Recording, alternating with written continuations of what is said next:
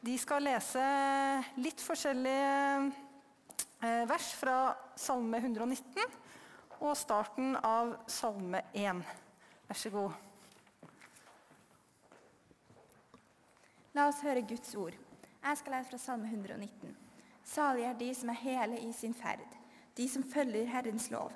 Salig er de som tar vare på Hans lovbud, som søker Han av hele sitt hjerte. Hvordan holder den unge stien sin ren? Ved å ta vare på dine ord. Jeg søker Han av hele mitt hjerte. La meg ikke gå meg vill bort fra dine bud. Jeg gjemmer ditt ord i hjertet, så jeg ikke skal synde mot deg. Velsignet er du, Herre, lær meg dine forskrifter. I evighet, Herre, står ditt ord fast i himmelen, din trofasthet varer fra slekt til slekt. Du har grunnfestet jorden, og den består. Jeg viker ikke fra dine lover, for du veileder meg. Hvor søte dine ord er for ganen, bedre enn honning i munnen. Jeg får innsikt av dine påbud. Derfor hater jeg falske veier. Ditt ord er en lykt for min fot og et lys for min sti. Nå skal jeg lese fra Salme 1. Salig er den som ikke følger lovløses råd, ikke går på synderes vei og ikke sitter i spotteres sete, men har sin glede i Herrens lov og grunner på Hans lov dag og natt. Han er lik et tre plantet ved rennende vann de gir frukt i rett tid, og løvet visner ikke. Alt han gjør, skal lykkes. Slik lyder Guds ord. Tusen takk, Naomi og Celine. Da skal Helge få tale om bibellesning. Ja, jeg vet ikke helt hva du eh, tenkte når du hørte det temaet da, eh, om å lese i Bibelen. For det er jo det som er dagens tema. Men uh, før vi gjør det, så tenkte jeg måtte bare gratulere alle mødre med dagen. Og så eh, er det jo slik at eh, bildet av mor det skifter jo litt med alderen. Når du er fire år, da tenker du 'mor kan alt'. Åtteåringen 'mor vet mye, hun er virkelig klok'. Tolvåringen 'mor vet jammen ikke alt'. 14 år 'selvsagt, hun vet ikke det heller'. 16-åringen 'mor, hun er håpløs gammeldags'. 18-åringen Gamla hun er helt utafor.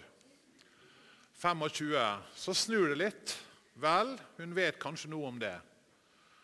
Og når du er 35, så tenker du før vi bestemmer oss, la meg høre med mor. Og når du er 45, så tenker du lurer på hva mor ville ha tenkt om dette. Og når du er på min alder, så tenker du jeg skulle ønske jeg kunne snakka med mor om det. Og det er vel kanskje sånn vi opplever det ved et savn. Eh, eller gleden av å kunne få ha en familie og ha en mor. Gratulerer til dagen med dere. og Dere betyr masse for mange. Men så var dette med bibellesing, da, som eh, noen syns er veldig utfordrende, andre syns er fantastisk. Hvis jeg hadde spurt forsamlinga her liker dere å lese i Bibelen, så hadde noen sagt å ja, det er helt strålende. Eh, jeg føler Gud taler til meg. Han åpner ordet sitt. Det er ro og fred. Det er gode stunder, gjerne på morgenen. Andre ville ha sagt nei, dette med bibellesning det syns jeg er strevsomt. Jeg får ikke det til. Jeg syns det er dårlig samvittighet som preger hele min bibellesning. Kanskje jeg er mer der når jeg hører om folk som står opp klokka halv seks og leser Bibelen og drikker en kaffekopp og kjenner på ro og fred, så tenker jeg ikke er jeg A-menneske. Og ikke syns jeg det høres særlig fristende ut å stå opp klokka halv seks og lese i Bibelen. Vi er veldig forskjellige, og jeg ønsker at vi kanskje kunne senke skuldrene da i dag og se litt på litt ulike måter vi kan gjøre dette på hvordan kan Bibelen bli en mer naturlig del av livet vårt uten at vi skal gå fra kirka her med dårlig samvittighet? Men Før jeg går inn på det, så vil jeg bare si at jeg hadde et tema her for noen veker siden, tre veker, om vi kunne stole på Bibelen. Og Da sa jeg at jeg skulle komme litt tilbake igjen til ett punkt som ikke jeg rakk, nemlig hva gjør vi med de vanskelige delene i Bibelen? Jeg kan ikke bruke hele talen på dette, men jeg har lyst til å si litt litt, om det. Fordi En av grunnene til at vi kanskje ikke leser Bibelen så mye, det er jo at vi, Vi setter oss ned med en eller annen bok, og så leser vi, og så tenker vi dette her skjønner jeg ingenting av. Og vi møter vanskelige vers som gir oss frustrerte. Hvis du tenker det er noe galt med deg, så har jeg litt trøst til deg i dag. Ehm, for Peter, han som jo var den fremste av disiplene, han skriver i andre brevet sitt litt om Paulus og det Paulus har skrevet ut fra den visdom som er gitt han, om hvordan han taler om dette her i alle de brevene sine der han kommer inn på disse spørsmålene. Og så sier han det er noen ting der som er vanskelig å forstå. Altså, Peter, den store disippelen, les Paulus sine brev, og så sier han ja, her er noe som er ganske vanskelig her. Så hvis du kjenner dette er litt vanskelig, dette skjønner ikke jeg, så er du i godt selskap. Du er i selskap med Peter. Men hvordan kan vi gjøre det? Ja, Jeg har tatt med meg et puslespill i dag. Eh, 1500 brikker. Jeg vet ikke hvor mange av dere som liker å legge puslespill. Jeg har alltid syntes det har vært kjekt eh, å legge puslespill. Eh, her er det da 1500 brikker. Og Noe av problemet med å legge puslespill det er at du kan ta opp en brikke. og Så ser du på den, og så lurer du på hvor hører den her til. Så tenker du nei, finner ikke ut av det. Men dere som, har, dere som virkelig er litt sånn puslespillfanatikere, dere ler av den måten å begynne puslespill på. For det du gjør når du begynner med puslespill, du legger først hjørner så finner du alle de beina, slik at du begynner å få kanten. Og Så begynner du å plukke ut ut fra farger, ut fra mønster osv. Og, og så kommer du deg videre med å pusle. Hva skjer hvis du da finner en brikke som du føler ikke passer inn? Ja, Det er det jeg har lyst til å si litt om. Nemlig at da har du tre valg. Du kan si dette her forstår ikke jeg, jeg bare hiver den eh, den passer ikke inn i mønsteret, passer ikke inn i bildet. Det er ganske dumt gjort når du legger puslespill, og det er ganske dumt gjort når det gjelder å lese Bibelen òg. Å kaste den vekk og si dette er ikke fra Gud, eller dette her må være feil, eller det må være noen som har lagt noe feil oppi, det er en dårlig strategi. Du kan prøve å presse den inn, men dere som har lagt puslespill, vet at det å presse inn brikker det er veldig, veldig dumt. For der er nemlig slik at de er laga sånn at de skal passe. Og Presser du den inn, så gjør du det på feil plass. Det å pushe bibelvers, nok som noen gjør, og på en måte presse fram en løsning eller en harmoni som ikke er der, jeg tror det er en dårlig strategi også for Bibelen. I 5. Mosebok står det at det som er skjult, hører Herren vår Gud til, men det som er åpenbart, tilhører også våre barn til evig tid. Jeg tror ikke det er mulig å presse inn alt i en harmoni som bare ja, vi skaper. Noen ting er faktisk skjult for oss. Og Da kan vi gjøre det tredje punktet. Du kan legge brikken til side mens du konsentrerer deg om de brikkene du får til. Og Det er det som jeg tror er måten å lese Bibelen på. Les det du skjønner, se det store bildet, og la de som du føler ikke passer inn, ikke bli kasta, ikke bli pressa inn, men la de legges til side. Og så prøver du å tenke det jeg forstår, hva gjør jeg med det? Når det altså er sagt, Hvorfor tar vi det, disse her temaene opp, sånn som Ingebrigt gjorde sist søndag med sabbat, sånn som jeg gjør nå med bibellesning? Jo, det har med at vi har en visjon her der vi snakker om å være sammen med Jesus ut til mennesket. Og Der vi denne første delen av våren vil ha fokus på det å være sammen med Jesus. Leve nær Jesus, bli lik han bli mer forvandla til å bli den Gud har skapt oss til å være.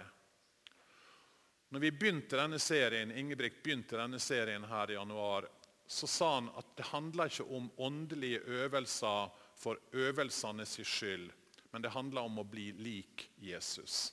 Og Det er det som er fokuset. Hvordan kan Gud få forvandle oss? Hvordan kan vi gå fra overfladiske liv til mennesker som har dybde? Til mennesker som har en plattform for livet sitt, som er prega av andre verdier enn det samfunnet bare har. Som er frigjort fra sjølopptatthet og fra frykt og fra ødeleggende vaner, ødeleggende måter å leve på. Hvis du har en lengsel etter det, at Gud skal få lov å prege deg, få forvandle deg, få omskape deg til å bli mer den du var skapt til å være. Bli mer den Gud virkelig hadde tenkt for deg og livet ditt. Ja, da er du på rett spor. Fordi jeg tror forvandling begynner her med denne lengselen etter å bli mer lik Jesus. En lengsel, slik som hjorten lengter etter bekker med vann. Lengter min sjel etter deg, min Gud. Min sjel tørster etter Gud, etter den levende Gud. Og Det er her dette med åndelige disipliner eller åndelige vaner eller åndelig praksis kommer inn, som vi ønsker å utfordre dere på denne tida fram mot påske. Vi skal lage et ark med noen forslag til hva dere kan gjøre. Det vil dere få nå snart når vi skal eh, nærme oss fastetida. Der vi kan prøve ut noen av disse åndelige disiplinene. Og Dette er ikke noe nytt som vi har funnet på her i Trondheim frikirke. Dette er noe som mennesker til alle tider, kristne til alle tider, har praktisert. Det er bare det at vi i vår tid kanskje har glemt det litt. De har til alle tider oppdaga at skulle de bli forvandla til å bli mer lik Jesus, ja, da handler det om vaner, om enkle ting i hverdagen. Om å praktisere enkle, men avgjørende praksiser, slik at Gud kan få slippe inn i livet våre og skape denne forandringa.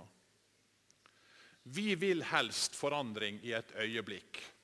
Vi vil gjerne at noen bare legger hendene på oss og ber for oss, og så er vi ikke utålmodige lenger. Eller vi slutter helt å baktale. Men sånn er ikke det. Det er ikke så enkelt. Vi tenker ofte på synd som enkeltstående handlinger der vi bryter Guds bud. Og Det er jo sant så langt det rekker, men Bibelen går et hakk djupere. Den sier at synd er en tilstand som undertrykker oss, som fanger oss, og som gjør oss til slaver av våre egne vaner. Gjør oss til slaver av vår egoisme og vårt begjær. Jesaja sier at havet, de urettferdige, er som det opprørte havet. For det kan ikke falle til ro, og bølgene rører opp mudder og gjørme. Havet trenger ikke å gjøre noe spesielt for å røre opp mudder og gjørme. Det er bare havet, sånn havet beveger seg. Og Slik er det også med våre liv. Vi lever under synders makt. Og Det naturlige livet vi lever, det er røre opp mudder og gjørme. Og Da hjelper ikke det å si ja, men nå skal jeg ta meg sammen og forandre meg.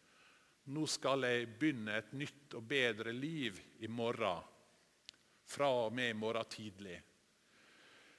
Hans Christian var inne på det i sin preik om dette med hvorfor åndelige praksiser Viljen klarer ikke å redde oss. Det er overraskende lite viljen kan hjelpe oss med å forandre oss. Hvem kan bestemme seg for å ha en god natts søvn, spurte han. Men det vi kan gjøre noe med, det er å legge oss på bestemte tidspunkt. Vi kan gjøre noe med kroppen vår når det gjelder hva vi spiser før vi legger oss osv. Eller ta det eksempelet som jeg brukte i høst når jeg snakka om dette med helliggjørelse. Der jeg snakka om at hvem her inne kan stå opp nå og springe en maraton. Ikke mange. Og det hjelper ikke om du vil det veldig, veldig hardt. Om du virkelig bestemmer deg for det, så klarer ikke du det bare fordi du har viljestyrke. Du har ikke en kropp som takler det. Hvem kan forandre seg med hjelp av viljestyrke? Han som har blitt sitert før av Hans Christian, som heter Richard Foster, som har skrevet mye om dette med åndelige disipliner, han sier når vi har gitt opp håpet om å oppnå indre forvandling ved bruk av viljen, er vi klare for en vidunderlig ny erkjennelse. Hjertets rettferdighet er en gave fra Gud som vi får ta imot i takknemlighet.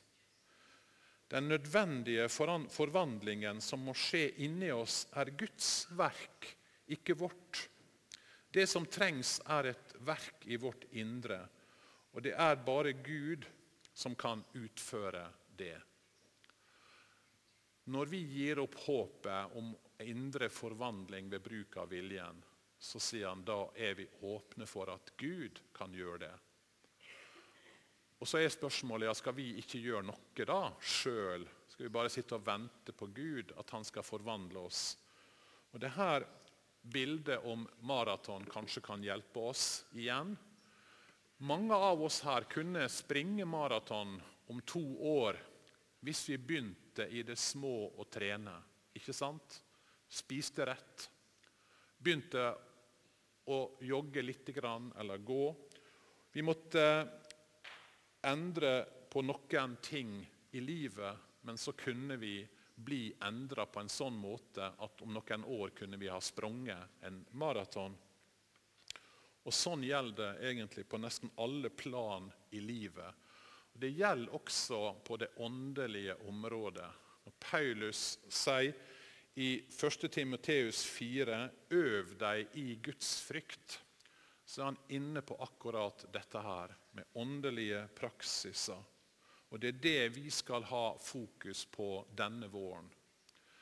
En som heter John Ortberg, som har skrevet en bok som kaller den for 'Kristus lengsel'.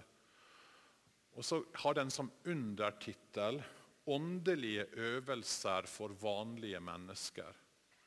Det gir meg håp, fordi jeg er et vanlig menneske som ønsker å leve nærmere Jesus, som ønsker å bli mer lik han.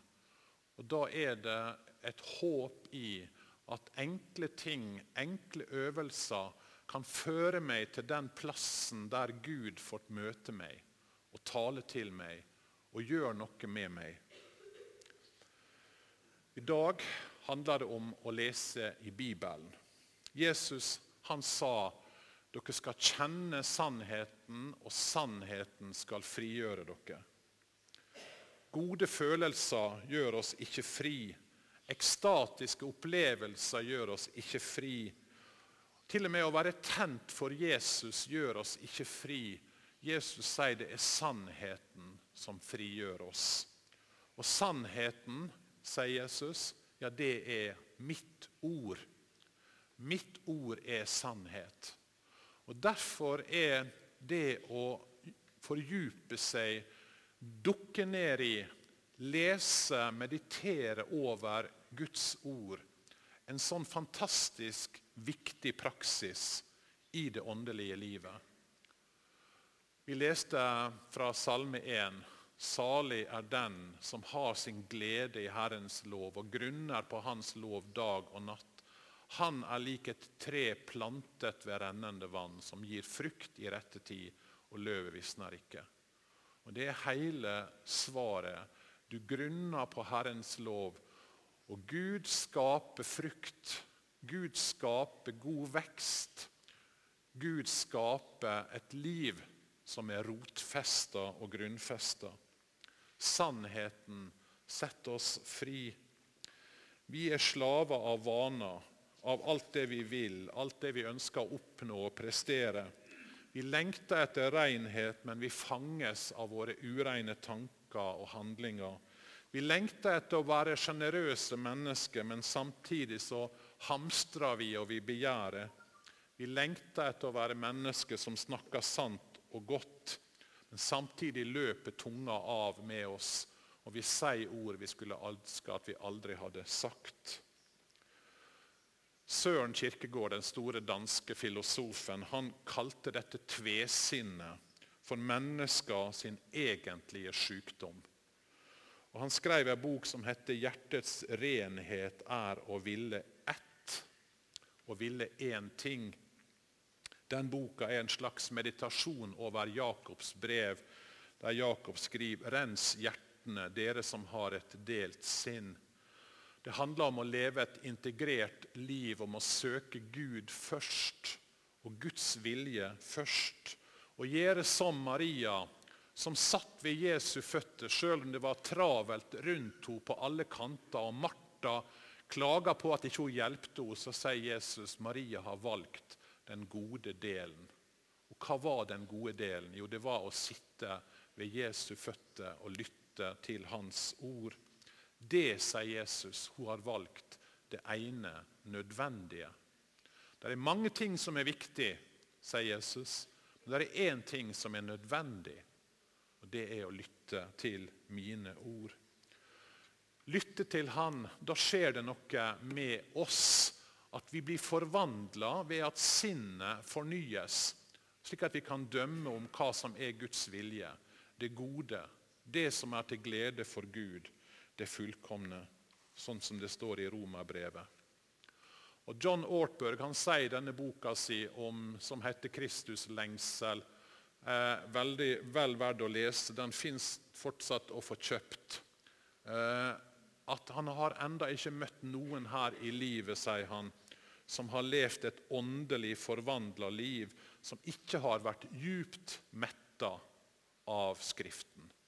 Jeg har ikke møtt noen sier han, som har levd et forvandla liv, som ikke har vært djupt metta av Skriften.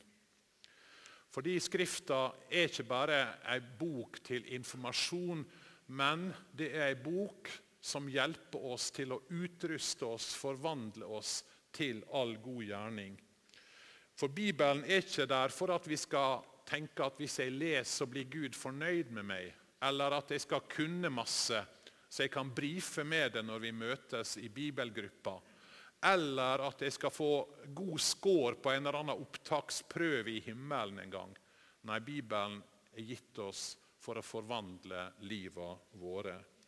Forvandle oss til mennesker som blir mer lik Jesus.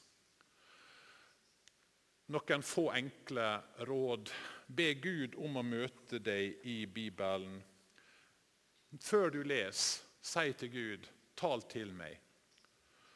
Vis meg ting i livet mitt som er fra deg. Når du gjør det, så vil du oppdage at Bibelen den taler til oss. Den møter våre liv. Og Noen ganger veldig sterkt, andre ganger enklere. Men jeg nevnte han som spilte Poirot, David Sushet. Han ble jo en kristen ved å lese Bibelen. Han var på et hotellrom, fant en bibel fra Gideon som lå der, og begynte å lese.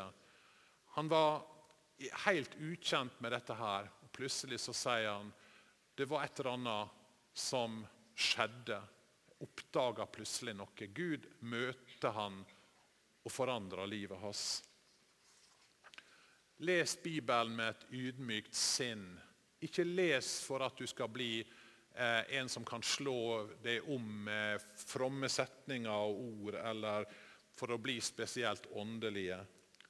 Det går an å lese Skriftene uten å ha et ydmykt sinn, eh, ydmykt sinn slik som Jesus anklager fariseerne. For de granska Skriftene, men de så ikke at det var han som kunne gi liv. De tenkte at den store kunnskapen var det som hjalp dem, eller som skulle berge dem men de lot ikke Skriften sitt budskap om ydmykhet få lov å rense deres eget sinn. Og så er det en god idé å meditere over et avsnitt eller en fortelling. Eh, jeg var på retreat, og da sier han veilederen til meg Sett deg med dette lille avsnittet, og så lever du deg inn i det. Og Det skulle jeg gjøre i alle fall en halv time. Bare noen få setninger. Og Så oppdaga jeg at eh, det var jo litt sånn jeg tenkte hvordan skal jeg bruke en halv time på dette her. Men etter hvert så skjedde det noe at ordet begynte å tale inn i mitt liv. Du levde deg på en måte inn i det på en annen måte enn bare ved å lese gjennom det. Målet er ikke å komme gjennom Skriften, men å la Skriften komme inn i oss. Og Så går det an å ta med seg et ord eller en tanke gjennom dagen. Kanskje du kan ta med deg et ord som du kan tenke på og grunne på. Eh, John Ortberg foreslo f.eks. For Salme 46. Vær stille og kjenn at jeg er Gud. Og Så sier han, tenk på det, mediter over det. Ta med deg, vær stille, kjenn at jeg er Gud. Og Så tenker du i dag trenger ikke jeg å skravle. Jeg trenger ikke forsvare meg, jeg trenger ikke forklare ting. Jeg trenger ikke få viljen min. Jeg kan lytte etter Gud, for det er Han som er Gud. Hvordan ville han ha reagert? Bruke et enkelt vers og la det få gjennomstrømme deg, styre deg gjennom dagen. Og så til slutt, kanskje la denne tanken få en plass i sinnet ditt. Vi leste fra minnet ditt, vi leste fra Salme 119. Jeg gjemmer ditt ord i hjertet, så jeg ikke skal synde mot deg. Å memorere og lære utenat Guds ord, det gjør noe med oss. Det skaper noe i sinnet vårt. Jeg tenker av og til på de eldre jeg har møtt, som er på aldershjem, og som ikke kan lese i Bibelen lenger, men som har lært seg masse fra Guds ord. De har en skatt som de kan leve på, også når øynene svikter. Og når synet svikter, og når hukommelsen svikter, så er Guds ord der. Og så skaper det noe i oss. La Guds ord få rikelig plass blant dere, står det i Kolossabrevet. La Trondheim menighet, frikirke, få være en plass der Guds ord får rikelig plass. I ditt liv, i fellesskapene våre, i gudstjenestene våre. Fordi sannheten, den vil frigjøre oss. Da jeg lit, hadde små unger, så leste vi mye om Albert Aaberg. Eh, Gunilla eh, Bergstrøm. ja. Det var jo herlige bøker om denne Albert. Den artigste boka den ungene våre mest ville lese, det var den som heter 'Jeg skal bare'. Det er der Albert Aaberg egentlig bare skal noe, skal noe, skal noe før han skal legge seg. Og så til slutt så blir faren sint på han og sier dette her går ikke. Men livet våre er ofte sånn, og livet mitt er ofte sånn. Jeg skal bare sjekke e-post før jeg leser Bibelen. Jeg skal bare få lest avisa. Jeg skal bare Og så utsetter vi det viktige. Og så er spørsmålet hva er viktigere i livet ditt, da? Hva er viktigere i livet ditt enn å bli lik Jesus? Hva er viktigere enn å være nær Han? Hva er viktigere enn å kjenne Jesus og kraften av hans oppstandelse, slik som Paulus skriver i Filipperne 3? Du leser ikke Bibelen for å oppnå poeng hos Gud eller for å fjerne dårlig samvittighet. Eller for å kunne ha kunnskap å brife om. Men vi må lese Bibelen fordi Jesus sier han er ordet fra Gud. Og når han taler, ja, så skaper han. Og så forvandler han, og så fornyer han sinnet vårt. Og så kommer sannheten inn i våre liv, og sannheten kan sette oss fri. Gjennom sitt ord blir vi mer lik han. Da kan vi kjenne han vi kan kjenne kraften av hans oppstandelse. La oss be.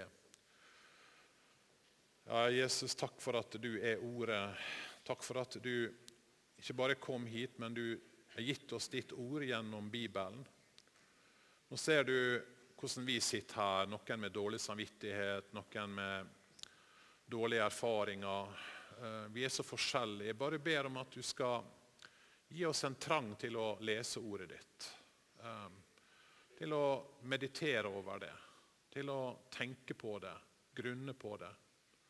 Slik at du kan få lov til å komme med din sanning inn i våre liv og forvandle oss, så vi kan få kjenne deg, Jesus, mer. Kraften av din oppstandelse i våre liv og i vår menighet. Amen.